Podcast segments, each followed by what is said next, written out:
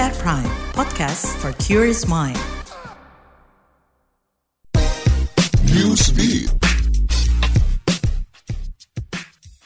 Di awal tahun 2024, Finlandia mencatat suhu terdingin mencapai minus 44 derajat Celcius pada 5 Januari kemarin. Suhu ini diiringi hujan salju lebat dan banjir di beberapa negara di Eropa. Berdasarkan data Institut Meteorologi Finlandia, suhu ini terjadi di wilayah barat laut Finlandia. Institut tersebut mengatakan suhu sekitar minus 42 derajat Celcius hanya tercatat tiga kali di abad ini. Suhu yang melebihi catatan suhu terdingin itu diduga terjadi lantaran cuaca ekstrim.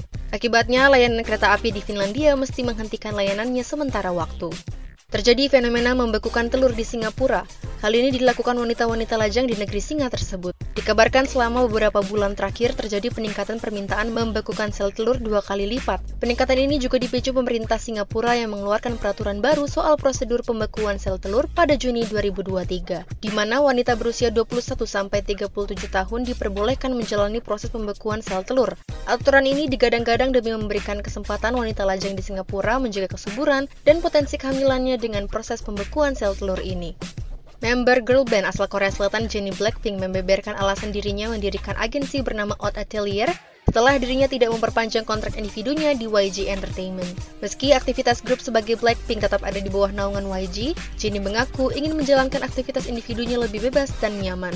Keinginan itu disebut-sebut Jennie membuat dirinya merekrut kolega dan rekan kerja yang sudah dikenal untuk berkolaborasi di agensinya sendiri. Jennie mengaku dirinya sangat berhati-hati selama mendirikan agensinya sendiri. Jennie berjanji bakal bekerja keras dengan krunya dan lebih bebas beraktivitas individu. Tak hanya itu, member Blackpink tersebut mengaku mendapatkan banyak pengalaman dan pembelajaran selama bernaung di YG.